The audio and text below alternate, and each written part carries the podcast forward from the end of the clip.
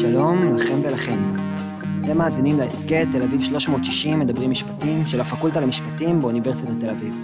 הפודקאסט בחסות משרד גולדפרט זליגמן. אני אורן עובדיה. ואני נטע צ'חנובסקי. הפעם נדבר עם דוקטור יופי תירוש, מרצה בכירה וסגנית הדיקן בפקולטה למשפטים באוניברסיטת תל אביב. דוקטור תירוש היא מומחית לנושאי משפט, מגדר ודיני איסור אפליה. לצד עיסוקיה האקדמיים, היא פעילה ציבורית זוכת פרסים. דוקטור תירוש יזמה והובילה את העתירה בנושא הפרדה מגדרית באקדמיה. היא תדבר איתנו היום על הפרדה מגדרית ועל מה המקום של הטיעון המשמעותי שלפיו נשים מסכימות להפרדה ואולי רוצות בה. בישראל של 2023 חיים למעלה ממיליון חרדים. מעת לעת עולים קולות, בעיקר מתוך הקהילה החרדית, המבקשים להכיל פרקטיקות של הפרדה מגדרית. כך, הפרדה והדרה באוטובוסים, במשרדים ממשלתיים, אפילו בבתי קברות, עולים שוב ושוב לשיח הציבורי ומגיעים לפתחו של בית המשפט. אבל לפני שנצלול לנושא, אנחנו קודם כל נגיד שלום. דוקטור תירוש, תודה רבה שהצטרפת אלינו. אהלן, בכיף, נטו ואורן, אני שמחה להיות כאן. אוקיי, אנחנו נשמח אם תעשה לנו קצת סדר בתור התחלה. אה, כשאנחנו מדברים על הפרדה מגדרית, איזה מופעים בעצם של הפרדה מגדרית אנחנו רגילים לראות? אז uh, בחברה הכללית, uh, כולנו חיים באיזשהם רמות של הפרדה מגדרית. אנחנו uh, משתמשים בשירותים ציבוריים בהפרדה, נושא שהוא שנוי במחלוקת uh, מכיוון אחר מזה שאני עוסקת בו, סביב uh, שאלות של uh, זהות מגדרית שהקהילה הטרנסית מציפה. Uh, ואנחנו בכלל הרבה פעמים uh, מחלקים בנים בנות בספורט וכולי. אה, באזורים שמעניינים אותנו כאן, שלשמם התכנסנו, אז יש הפרדות אה, בין גברים לנשים שהן אה, מותרות על פי חוק, והן נהוגות בקהילות דתיות תחת... אה, קונספטים של חופש דת ושל אוטונומיה קהילתית והורית, אז יש אה, הפרדה בעזרת אנשים בבתי כנסת או בתפילות במסגדים. אה, נהוגה, כפי שאנחנו יודעות ויודעים, הפרדה באירועים משפחתיים, בחתונות, והמשפט הישראלי גם מכיר בהפרדה במערכת החינוך, גיל יסודי, גיל תיכון, ובהפרדה בחופים, שעות נפרדות בחופים או בריכות שחייה. עם זאת, הזאת, במשהו כמו 15 שנה האחרונות, אה, נכנסו לסיפור אה, מופעים אה, חדשים של הפרדה שהם יותר ויותר במרחב הציבורי, לפי הסיווג המקובל אצלנו. למשל, בלימודים אקדמיים, באירועי תרבות, בהכשרות מקצועיות, בקורסי נהיגה מונעת, באוטובוסים, יותר ויותר גם ב... אה, במקומות עבודה, ואלה שאלות שכבר אה, מציבות אה, שיעורי בית לנו, לחברה הישראלית, כיצד אנחנו נראים, כיצד אנחנו חיים, ומה הגבולות שבין רצון לאפשר לכולם להשתתף בפעילויות כלליות, לימודים, עבודה וכולי, לבין הגנה על השוויון המגדרי. מה ההבדל בין הפרדה להדרה בעצם? אה, המונח הדרה מתייחס למצבים שבהם אסור לנשים להיכנס או להשתתף. אז אה, בסוף שנות ה-80 עתרה לאה שקדיאל לבג"ץ ואמרה, אני רוצה להיות אה, במועצה דתית, והרבנות הראשית מתנגדת. זאת סיטואציה של הדרת נשים. אה, בעת היותר אחרונה, אה, רדיו, תחנה חרדית, ספרדית, ציבורית, אומרת, אה, נשים לא, אה, לא יישמעו אה, בתחנה שלנו. גם זאת צורה של אה, הדרה. אה, הפרדה היא מדומיינת אה, בשיח שלנו כמשהו אה, סימטרי. יש מחיצה ונשים בצד אחד וגברים בצד שני. אחת התובנות שהתגבשו אצלי אחרי שנים של עיסוק בתחום זה שכמעט אין לנו בנמצא מקרים שבהם מדובר במין הפרדה יפה כזאת שווה בשווה. בדרך כלל בהפרדה כרוכה גם אפליה. נשים ישבו מאחור, נשים יקבלו פחות תקציבים, ייפתח קורס לגברים ולא לנשים. ולכן אחד אחת הטענות שלי, אחד המסרים שלי בשנים האחרונות, זה לקובעי מדיניות ולציבור הישראלי, כל אימת שמוכרים לכם שאלה של האם הפרדה היא לגיטימית. הדבר הראשון שאתם צריכים לעשות זה לשאול האם מדובר באמת בהפרדה סימטרית או שמדובר בהפליה של נשים, שגם יש בה אה, את העניין של אה, הפרדה. אז באמת מבחינה משפטית מותר היום להפריד בישראל? נתחיל בזה שאסור להדיר ואסור להפלות, אלה דברים שהם לא חוקיים. אה, השאלה של הפרדה בין המינים אה, היא נמצאת ככה גם במחלוקת אה, ציבורית, גם היום היא מושא להסכמים קואליציוניים ויוזמות חקיקה, וגם לשאלות שעוסקים בהן בייעוץ המשפטי לממשלה. הדין היום בישראל, כתבתי על כך מאמר לא מזמן בעיוני משפט, אומר ש... למשל, בסקטור השירותים, בסקטור התעסוקה, כל אימת שהמין איננו רלוונטי לפעילות, מתי מין הוא רלוונטי לפעילות, זאת גם שאלה ערכית, אבל יש לנו דברים מובהקים, נגיד העובדה שנשים הם אלה שיולדות, אומרת שמין הוא רלוונטי לשאלה של חופשת לידה. אוקיי? היום יש גם חופשת לידה על רגל פונדקאות ורגל אימוץ וכולי, אבל אנחנו מבינים את ההבדל. אה, אז... אה, כאשר נגיד בעל עסק מבחין בין אנשים על בסיס מין, כאשר המין איננו רלוונטי. נניח, הוא אומר, נשים יעמדו בתור הזה וגברים יעמדו בתור הנפרד. Uh, הדבר הזה הוא אספקת שירות בצורה מפלה. Uh, זה איסור אפליה כמו על בסיס גזע, גיל, נטייה מינית ועילות uh, איסור אפליה אחרות. ובשביל לעשות את זה, הוא צריך לעמוד ברשימה מאוד מאוד קפדנית של, של חריגים, שנמצאת בחוק איסור אפליה מוצ... במוצרים ושירותים, אה, שמדברת על אה, חיוניות המוצר והשירות, על המידה שבה זה לא יפגע באנשים אחרים שלא רוצים את השירות בהפרדה. אה, בנוסף לכל אלה, אם מדובר ברשות ציבורית, היא צריכה לעמוד בכללים של הסמכה חוקית, כי היא פוגעת בזכות. בג"ץ קבע שהפרדה היא פגיעה בשוויון. בכבוד האדם, אז היא צריכה לעמוד בהסמכה מפורשת בחוק, לקיים את הפעילות בהפרדה, ובמבחנים החוקתיים הרגילים של אה, פסקת ההגבלה, סעיף 8 לתכלית ראויה, במידה שאינה עולה לנדרש וכולי. מה, מה הם פסקי הדין שבעצם עיצבו את אה, גבולות הגזרה האלו? במשך ה-15 שנה האחרונות הייתה שורה ארוכה של עתירות לבג"ץ. אה, לצערי, רובן אה, אה, נגמרו בלי שבית המשפט כתב פסק דין עקרוני, מפורט, שמפתח את הדין. יש למעשה שלושה פסקי דין של בג"ץ ועוד פסק דין של בית המשפט העליון, שכן פיתחו את הדין. הראשון הוא העתירה המפורסמת של נעמי רגן בעניין של הפרדה באוטובוסים, שבו בית המשפט קבע ש... כל עוד הישיבה בנפרד נעשית ללא כפייה, אז אה, אין עם זה אה, בעיה. אה, זה הפך את המציאות של הפרדה באוטובוסים למציאות מאוד מאוד רווחת, ויש שם הרבה מאוד כפייה והרבה מאוד אלימות שלא מצליחים למנוע אותה. פסק הדין השני, כרונולוגית, היה פסק דין אזרחי, תובנה ייצוגית, באותו עניין שהזכרנו קודם, של רדיו קול ברמה, שבו בית המשפט קבע שמדובר באפליה באספקת השירות, שהיא פוגעת במאזינות החרדיות, הספרדיות של התחנה. אה, אחר כך היה פסק דין בעניין אה, בריכת השחייה בקריית ארבע, פסק דין שוקרון, שבו בית המשפט קבע שברירת המחדל היא אה, אספקת שירות כמו בריכה, כמו כל דבר אחר, באופן מעורב, ללא הפרדה, ושחלה חובה על הרשות המקומית לספק שעות פתיחה לבריכה בלי הפרדה, מה שקוראים לו בצורה של שחייה משפחתית. ולבסוף, העתירה שאני יזמתי והובלתי בעניין ההפרדה באקדמיה, שבה נקבע שההפרדה בין המינים פוגעת בשוויון גם של הסטודנטיות וגם של המרצות. אבל עם זאת שהיא אה, אה, עומדת בתנאי פסקת ההגבלה, היא לתכלית לראויה, היא עם הסמכה בחוק, היא אה, בהתאם לערכי מדינת ישראל כמדינה יהודית ודמוקרטית, אבל עדיין בג"ץ, כל השופטים, זה פסק דין שנחלק בין רוב לבין מיעוט, אמרו שהאופן אה, שבו ההפרדה מתנהגת כרגע הוא לא מידתי.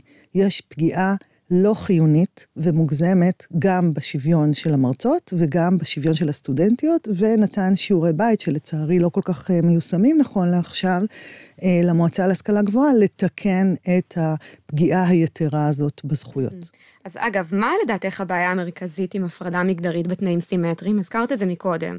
הרי כביכול במצב כזה, גם הגברים וגם הנשים, הם מקבלים את אותם תנאים שווים. איפה הבעיה?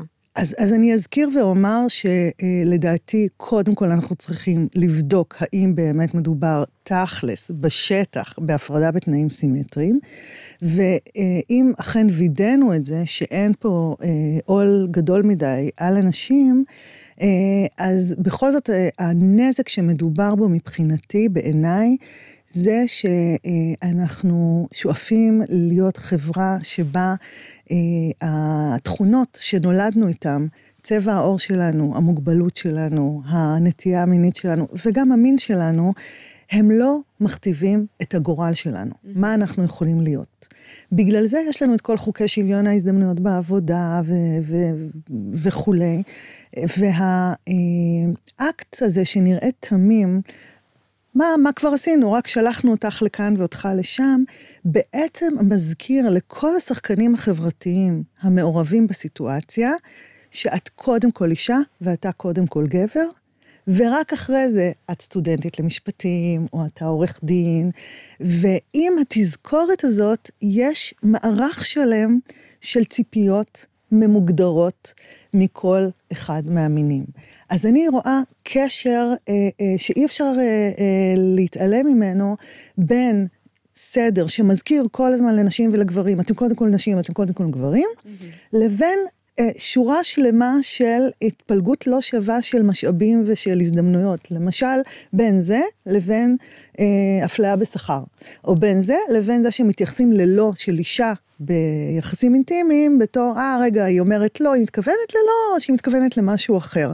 העולם שאנחנו שואפים אליו צריך להיות עולם שבו לכולם יש את אותה זכות לאוטונומיה, הזכות לכתוב את סיפור חיינו כמו שאנחנו אה, אה, רוצים ומאמינים ושואפים, וזה שאנחנו מזכירים כל הזמן אה, לאנשים את המין שלהם, תחשבו אם היינו מזכירים כל הזמן לאנשים את הנטייה המינית שלהם, mm-hmm. או את המוצא הדתי שלהם, זה לא דבר תמים. לדבר הזה יש השפעות, וההשפעות האלה זה משהו שבעיניי צריך למנוע אותו כל עוד אנחנו יכולים. אבל את יודעת, זה מעניין, את התחלת את השיחה בלדבר על כך שההפרדה המגדרית נמצאת בעצם אה, בחיינו כל הזמן ברמות כאלו ואחרות. השאלה האם, האם זאת אומרת, זה לא איזושהי תפיסה חברתית שאת מורגלת בה, ואת במובן מסוים מנסה, כמובן בלי לייחס לך שום אה, כוונות רעות, אבל... בסדר, אתה יכול לייחס. אולי את מנסה אה, לכפות את זה במובן מסוים על אנשים אחרים, זאת אומרת, האם אין פה משהו שהוא אנטי פלורליסטי כמעט, אה, איזשהו ניסיון לצמצם את אורח החיים של תרבויות אחרות? אז זאת באמת שאלה נכבדה, וזאת טענה וביקורת שאני שומעת הרבה מאוד. אני כמשפטנית וכבן פלורליסטי שמאמין, מאמין ברב תרבותיות, אה, אלחם אה, אה, עד זוב דם, סליחה על הרטוריקה הדרמטית, על זכותם של אנשים במסגרת חופש הפולחן שלהם להתפלל בהפרדה, כן? זה חלק מחופש הדת, מליבת הפרקטיקה הדתית. אני גם יכולה לקבל, אני לא מאושרת מזה, אבל אני יכולה לקבל הפרדה בבתי ספר וכולי. אלה לא השאלות שאני עוסקת בהן. אני מתעניינת לא במה שקורה בתוך הקהילה הדתית, ששם יש נשים מדהימות, אה, פמיניסטיות דתיות, פמיניסטיות חרדיות מאוד מאוד אמיצות, שעוסקות בגובה של המחיצה ובתפקיד של נשים בבית הכנסת וכולי. אה, השאלות שלי הן על איך נראית הספירה הציבורית. התיאוריות של רב תרבותיות אה, עסקו בשאלה האם החברה הכללית, הליברלית, שמחויבת להגנה על זכויות אינדיבידואליות, צריכה להתערב בתרבותה של הקהילה המסוגרת, אה, במקומות שבהם הקהילה הזאת, הפרקטיקות שלה חוצות קווים אדומים. ואנחנו עושים את זה בחברות מודרניות, גם בשיטת המשפט הישראלית, אנחנו אוסרים למשל על נישואי קטינות, ואנחנו אוסרים על אה, פוליגמיה, אה, אבל השאלה שניצבת לפנינו היום בחברה הישראלית היא שאלה אחרת בתכלית. זה כבר לא מה החברה הכללית. עד כמה היא צריכה להתערב ב, ב, בחברת המיעוט, אלא זה מצב שבו קהילות המיעוט מבקשות לייצא את הפרקטיקות הלא ליברליות, את הפרקטיקות הלא שוויוניות, אל תוך החברה הכללית. הדבר הזה למדתי במחקר ובאקטיביזם בהרבה שנים שאני עוסקת בכך, הוא לא נטול מחירים לא רק לנשים החרדיות, ש, שהן אולי אה, מקבלות, והרבה פעמים גם ממש מאמינות שזה טוב אינהרנטי להיות צנועה ולהיות בהפרדה ולנקוט בפרקטיקות של דיני טהרה, ללכת למקווה, ואני מאוד מכבדת את זה. אלא יש שאלה האם הן רוצות את זה גם כשהן יוצאות מהחומות המטאפוריות, בהחלט, זאת אומרת, יש, בתוך התיאוריה הרב-תרבותית יש מושג של אה, זכות היציאה, שאומר שכל אימת של אה, אדם מהקהילה המובחנת תרבותית, שהיא קיבלה אוטונומיה תרבותית, כל אימת שיש לו דרך לצאת, right of exit, אה, אז הופך את הסובלנות הליברלית, את הקבלה של פגיעה בזכויות בתוך הקהילה להרבה יותר נסבלת, כי, כי תמיד הוא יכול לצאת. עכשיו, התיאוריה הפמיניסטית הראתה כמה זה גם לא מעשי וגם לא נכון אה, תיאורטית אה, לדמיין שפתאום אדם שהוא, כל העניין שלנו שהוא מחונן על ידי הקהילה שלו, פתאום אנחנו הופכים אותו לאיזה אטום במרחב והוא יוצא. אבל אה, כאשר אנחנו מדברים על זה שאת יוצאת מהקהילה וכל אוטובוס שאת עולה עליו, יש בו את הקונבנציה הזאת, ואת הולכת לאקדמיה, וגם שם מצופה ממך ללמוד בהפרדה, ואת בשלטי חוצות רואה אה, אה, השחתה או העלמה של, אה, של נשים וכולי וכולי, אז זה בעצם לא מאפשר לך לצאת אף פעם, כי גבולות הקהילה מתרחבים על ידי זה שהדרישות להפרדה בין המינים הופכות להיות משהו שהוא יותר ויותר נחלתו של המרחב הציבורי. אבל מעבר לפגיעה בנשים חרדיות, יש גם פגיעה בנשים שאינן רוצות אה, הפרדה ביומיום שלהן. אז אנחנו רואות גם דברים אה, אנקדוטליים, ככה אינסידנטים מלמטה, שפתאום אה, ילדה בת 13 מנסה לעלות לאוטובוס מבנימינה לגבעת עדה, והנהג אומר לה, את עם גופייה, את מטרידה אותי מינית עם הגופייה שלך, את לא תעלי לא, לאוטובוס, אה, והרבה מאוד מקרים כאלה, אבל גם פגיעה ממוסדת. למשל, בסיפור של ההפרדה באקדמיה, מרצות לא יכולות ללמד בכיתות הגברים, בעוד שמרצים מלמדים את כיתות שני המינים. Mm-hmm. הדבר הזה הוא הפרה הכי פשוטה ו- והתחלתית, שיעור ראשון בדיני עבודה או בקורס באיסור אפליה, כן. של אה, הישג מדהים שיש לנו במשפט הישראלי, של חוק שוויון הזדמנויות בעבודה. לפתע, לא המומחיות שלך כמרצה, לא הידע שלך, לא הכישורים הפדגוגיים שלך, זה לא חשוב. מה שחשוב זה העובדה השרירותית, עם איזה מייקאפ גנטי את אה, אה, נולדת, זה מה שיכריע. בדיוק התזכורת שדיברנו עליה מקודם, שמזכירים לנו כל הזמן אם אני אישה או גבר. בדיוק, ואנחנו רואים יותר ויותר מקרים מאוד מצערים שנשים פשוט אה, נמנע מהם אה, להשתתף במפגשים ולעלות על במות ולנהל טקס בכותל וכולי וכולי, פשוט בגלל שהן נשים. ויש אה, משהו בציבור הישראלי שהוא מרוב שהוא ככה ליברלי וטופח לעצמו על השכם, והוא גם קצת יש לו רגשות אשם על זה שלמה אני לא חיה חיים דתיים כמו שסבתא שלי חיה בגולה, אז אז uh, אנחנו נורא נורא uh, uh, חפצי לב להיות מתחשבים, ואנחנו חושבים שזה לא משהו שיש לו, מה שנקרא בשפה של גישה כלכלית למשפט, החצנות, כן? פגיעות עלינו. אנחנו טועים לחשוב שזה עניין של חיה ותן לחיות, ושמה שקורה בבני ברק נשאר בבני ברק, והמציאות הישראלית מראה לנו שזה כבר מזמן לא המצב. כן, האמת, את ככה מובילה אותי לדבר הבא שרציתי לשאול אותך, כי את נוגעת פה המון בתפיסות הליברליות ובאיך הן מתכתבות עם העניין הזה של לגיטימציה להפרדה. ובאמת כשמדברים על הפרדה שהיא כפויה זה נורא קל להבין, כמו שדיברת על אלימות באוטובוסים וכולי. אבל כשאנחנו מדברים בעצם על הפרדה שהיא בהסכמה, כמו שקורה לא פעם ולא פעמיים, הטיעון אה, נהיה הרבה יותר קשה, לפחות לאדם הליברלי, בטח מבחינה משפטית, כי הרי באות מנהיגות, מנהיגים ומנהיגות מהקהילות החרדיות ואומרות, אנחנו רוצות, אנחנו רוצות את זה, אנחנו מסכימות לזה. איך, איך את רואה את הסכמה משתלבת פה? אז במאמר אה, אה, חדש, אה, אני מסתמכת על חוקרת מאוד מאוד חשובה מאוניברסיטת ג'ורג'טאון, שקוראים לה רובין ווסט, והיא מתארת את המפנה החשוב שחל בשיטות המשפט המודרניות, שעברו מנורמות שמוכתבות מלמעלה, מהשלטון ליצירת נורמות שאנחנו בעצם מעצבים אותן אה, דרך ההסכמות שלנו, מסטטוס לחוזה. ולדבר הזה יש הרבה מאוד uh, תוצאות uh, טובות. אם ניקח למשל את הדוגמה של נשים, אז uh, בעבר לא יכולנו להחליט אם להיכנס לנישואים או לצאת מנישואים, אם להיכנס להיריון, אם לקיים יחסי מין, והיום יש לנו הרבה יותר אוטונומיה בתחומים האלה. אבל רובין ווסט אומרת שלדבר הזה יש גם uh, uh, השלכות uh, יותר בעייתיות. למשל, כשאנחנו מתרכזים בהסכמה, אנחנו מעמעמים ומשכיחים שאלות של יחסי כוח. אז תחשבו על מספר הפעמים ביום שאנחנו לוחצים מסכימה, מסכימה, מסכימה, על קוקיז ועל כל מיני הפרות פרטיות. באינטרנט. ש... כן, כן, שאני לא ממש מבינה, למרות שאני די טכנולוגית, אני לא בדיוק מבינה מה, למה אני מסכימה כשאני מסכימה. ו...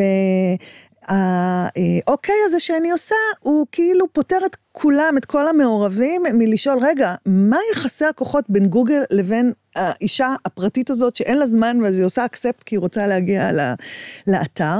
ואותו דבר בסיטואציות אחרות, למשל בסיטואציות של uh, תקיפות uh, uh, מיניות, יש איזה מין תחושה כזאת שכל uh, המנעד uh, הרבה יותר ניואנסי של uh, האם אני uh, בתוך הסיטואציה המינית בחפץ לב, האם אני עושה את זה כאילו כפאני שד, יש הרבה מאוד uh, uh, uh, מצבים רצוניים בספקטרום. הספקטרום של הרגשי שלנו והקוגניטיבי שלנו, כל זה מושטח למשהו בינארי שאומר לנשים, הסכמת, שתקי שלום וביי. כאילו, לא מעניין אותנו אה, כן, אה, שום כאילו דבר. אין מצבים באמצע. בדיוק, אין, אין מצבים באמצע, וזה נכון שכנראה ש, שזה לא מתאים למשפט הפלילי, אבל זה כן שאלה בשבילנו איך להכניס את זה בכלל למשפט. עכשיו, אה, האמירה שלי היא חד משמעית לא מה שאולי אה, חלק ממאזינותינו וממאזיננו מניחים, שאני הולכת להגיד, שיש פה נשים שהן לא מבינות בדיוק למה הן מסכימות, ושהן חונכו ככה, ושהן סוג של תינוק שנשבע בתודעה כוזבת. זה ממש ממש לא מה שאני חושבת. אה, אני חושבת שכולנו יצורים אה, שהם תוצר של הבניה תרבותית וחברתית, ואם הן שרוצות לשבת בעזרת אנשים, או מוכנות לשבת בעזרת אנשים, הן אה, בתודעה כוזבת, אז גם אני בתודעה כוזבת, אני עושה הרבה מאוד דברים. הלכתי ללמוד משפטים לא רק כי זה מעניין, אלא כי זה היה משהו שהיה נורא יפה להגיד, הנה, הבת שלנו, כן, באירועים המשפחתיים, היא לומדת משפטים, כן? אנחנו אה, כולנו עושים דברים בגלל, בגלל ציפיות חברתיות, ולכן הטיעון שלי כלל וכלל לא עומד על השאלה מה הבשלות או העצמאות של, ה, של ההסכמה הזאת. השאלה שלי היא אחרת, והיא נוגעת להבחנה מאוד מאוד בסיסית בין הספירה הפרטית לבין הספירה הציבורית. אמ, בספירה הפרטית אנחנו מקבלים את זה ששאלות של צדק ושל הגנה על זכויות, אה, ככל הניתן הן יישארו בחוץ, הן יושעו, המשפט לא יתערב בהם. אז כמו שהמשפט לא יתערב, ב... אה, הוא לא יטען נגדי, אה, את מפלה בין גלידה וניל לגלידה שוקולד כשאת מעדיפה גלידה וניל, וגם הוא לא יתעסק באיזה פרטנר אני בוחרת והאם אני מפלה בין אנשים על כל מיני טעמים, ככה בספירה הציבורית המצב שונה בתכלית. אה, אה, המדינה, שזה הגוף המרכזי ששולט על הספירה הציבורית, היא שולטת על משאבים אדירים ויקרי ערך. ולכן היא צריכה לחלק בצורה שוויונית מאדמות ונדל"ן ודרך ריש, רישיונות ו, ו, ושוויון לפני החוק בהליך הפלילי או בכלל.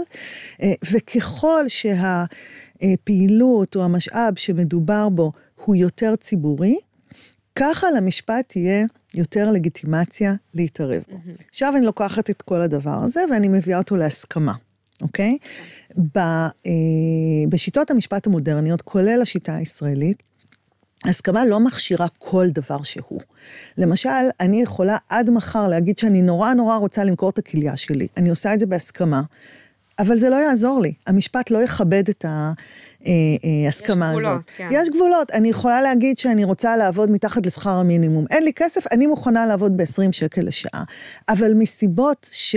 אה, אה, של טוב כללי, המשפט לא יכיר בחוזה כזה שלי עם איזשהו מעסיק, בגלל שהוא מבין שברגע שאדם אחד יסכים, והחוזה הזה יהיה אכיף, לעבוד ב-20 שקל לשעה, אז נגמר, כבר אין, אה, זה, זה ייצור לחץ על כל העובדים האחרים, ו, וחוקי שכר המינימום פשוט אה, יאבדו אה, אה, משמעות. ואני טוענת, אני מציעה, שהשאלה של הסכמה להפרדה, צריכה גם היא להתפלג דרך ההבחנה הזאת בין הציר של פרטי וציבורי. כל עוד אני בספירה הפרטית, במשפחה, בקהילה, בבית הכנסת אה, וכולי, אז זה לגיטימי ששיטת המשפט תגיד, אוקיי, אני מקבלת את ההסכמה שלך. אבל ברגע שאנחנו עוברים אל המרחב הציבורי, יש חובה הרבה יותר גדולה שברירת המחדל שלפיה אנחנו אה, כמדינה, כרשות מקומית, כרשות ציבורית, וגם אה, אה, בעלי עסקים שיש לעסקים שלהם אופי ציבורי, נגיד מועדונים שאסור להם להפלות, אנחנו נתייחס לאנשים אה, אה, בצורה שוויונית. באופן שהוא בלתי ניתן להתניה. אז כמו שאני לא יכולה להסכים לעבוד מתחת לשכר המינימום, ואני לא יכולה להסכים, לא יכבדו את ההסכמה שלי, אם מעסיק יבוא ויגיד לך נטע, תשמעי, את אחלה, אבל בגלל שאת אישה, אני רוצה לתת לך 80 אחוז מהמשכורת שאני נותן לאורן על אותו תפקיד, זה לא יהיה חוזה אכיף, נכון? זה לא יהיה לעניין. אפילו אם הסכמתי, זה לא יהיה אכיף. אפילו אם הסכמת, ההסכמה שלך לא מכשירה את זה. אה, עכשיו, מה שקורה פה בישראל, ישראל בשנים האחרונות זה הדבר הבא. אם אה, אה, הפמיניזם, אחד מההישגים אה, אה, החשובים שלו היה להנמיך את המחיצה שמפרידה בין הציבורי לפרטי, כדי לאפשר לשאלות של יחסי כוח ושל צדק ושל זכויות להיכנס הביתה. ואז קיבלנו את זה ש... עכשיו של אלימות כלפי נשים. נגיד, בדיוק, אה, אה, פעם אה, בעל, ובכוונה אני אומרת בעל, שהיה כופה על אשתו יחסי מין, זה לא היה נחשב אונס. היום זה נחשב אונס, בזכות ההנמכה הזאת של המחיצה בין ציבורי לפרטי. היום אנחנו רואים שהמגמה היא בדיוק הפוכה, שכוחות שמרניים, בדרך כלל שמרניים דתיים, מבקשים הם להנמיך את המחיצה הזאת, בשביל לייצא ערכים שמרניים מהבית, מהקהילה, אל הספירה הציבורית. והאופן שבו הם עושים את זה, זה על ידי זה שהם טוענים שבתוך הספירה הציבורית יש איזה איים כאלה קהילתיים, זה לא אקדמיה, זה תוכנית לחרדים באקדמיה, זה לא אוטובוסים, זה קווי מהדרין שנוסעים מבני ברק למודיעין עילית או מירושלים לאופקים, אה, זה לא אה, קורס, כל הקורסי נהיגה מונעת, זה קורסי נהיגה מונעת למי שרוצה הפרדה, ואז אומרים שבתוך האיים הקטנים האלה זה מין משהו שהוא אה, מעין ציבורי, קוואזי ציבורי בלטינית שאנחנו חובבים לדבר בה במשפטים. סליחה, קוואזי פרטי, לא קוואזי ציבורי. אה, אה, ולכן בתור קוואזי פרטי, בתור איזה מין אה, מובלעת כזאת, היא לא ליברלית, בתוך העולם הליברלי, זה מונחים של פרופסור מני מאוטנר, אז אפשר לשאת את זה ולקבל את זה בצורה שאולי אנחנו כליברלים לא אוהבים אותה, אבל אנחנו גם יכולים לסבול אותה. אבל תגידי, אם אנחנו באמת ניקח רגע לקצה את הטיעון הליברלי, את יודעת שבסוף צריך לכבד את הבחירה של האנשים ואת האוטונומיה שלהם, אז במצבים שבהם באמת יש הסכמה אמיתית, לא תודעה כוזבת כמו שאת אומרת, את לא חושבת שאיסור על הפרדה מגדרית הוא קצת פטרנליסטי בסופו של דבר? יש פה איזשהו קושי. בהחלט, אה, זה, זה קושי מאוד מאוד גדול, והקשר שלי עם נשים דתיות, עם נשים חרדיות, וההבנה שכמו שאמרתי קודם, רבות מהן חפצות אינהרנטית בהרבה מההפרדות האלה. אגב, רבות גם אה, מוכנות לזה בבית הכנסת, אבל לא מוכנות לזה באוטובוס. ואחד הדברים שהכי מתסכלים אותי זה שמילא הן חוטפות בתוך הקהילות שלהן הרבה מאוד אה, סנקציות חברתיות, על זה שאם הן מעזות לדבר ולהגיד, אני רוצה להיבחר לכנסת ביהדות התורה או בש"ס, אז עושים חרמות על הילדים שלהם, פוגעים להם בשידוכים, לא מקבלים אותם לבתי ספר הטובים וכולי. אה, אה, אז יותר מהסנקציות בתוך הקהילה שלהם, שלהם, אחד הדברים שמאוד מאוד אה, אה, מטרידים אותי, זה שליברלים חילונים מחוץ לקהילות שלהם אומרים, אה, אה היא רוצה לרוץ לכנסת, או היא לא רוצה הפרדה באוטובוס, זה לא. אומר שהיא לא חרדית אמיתית, היא לא מייצגת, ובעצם יש לנו פה מצב שההסכמה היחידה של ליברלים, נלחמים עליה בשם אותה אישה דתית או אישה חרדית, זה כשהיא מסכימה לשבת מאחור, באחור של האוטובוס, לא כשהיא רוצה אה, אה, משהו אחר. עכשיו, אני חייבת לומר, אנחנו אה, בפודקאסט בפקולטה למשפטים. במשפטים, אנחנו לפעמים פטרנליסטים, אפילו המון. פטרנליסטים. Mm-hmm. יש לנו חוקים שאוכפים חגורת בטיחות, ויש לנו חוקים שאוכפים אה, אה, קסדות במפעלים מסוכנים, וכמעצבי מדיניות, אנחנו לפעמים, בשביל הטוב הכללי, צריכים אה, אה, לא לתת לכולם את מה שהם אה, רוצים. אני שונאת חגורת בטיחות, באמת, זה מציק לי ברמות קשות. ויחד עם זה, הפטרנליזם הזה של המדינה, שיודעת יותר טוב ממני, בשביל הטוב הכללי, מה חשוב, הרי אני יכולתי ללכת למדינה ולהגיד, תשמעו, אני חותמת פה, פה ופה, שאם קורה לי משהו, בגלל שלא אה, חגרתי חגורת בטיחות, אז אני לא משיתה את העלויות של הטיפול הרפואי ושל הביטוח וכולי על המדינה. הרי המדינה לא תקבל את זה, נכון? כאילו זה לא אכיף. אז כן, אה, אה, אה, יש פה מידה מסוימת של, של פטרנליזם, אבל בעיניי הוא פטרנליזם במידה שהיא נסבלת אה, והיא הרבה יותר נמוכה מאשר, אה, נגיד, אה, האיסורים שדיברנו עליהם על נישואי קטינות ועל אה, סחר אה, אה, באיברים. הרי על מה אנחנו מדברים פה? אנחנו לא מדברים על כפייה של אה, אה, אורח חיים אה, לא דתי, על בקשה מאנשים דתיים לאכול חזיר, או להפר את הוראות השבת, כן, את המצוות. אנחנו מדברים על כלל מאוד מאוד פשוט, שאומר, בחברה הישראלית, השבח לאלה, נשים נמצאות בכל מקום.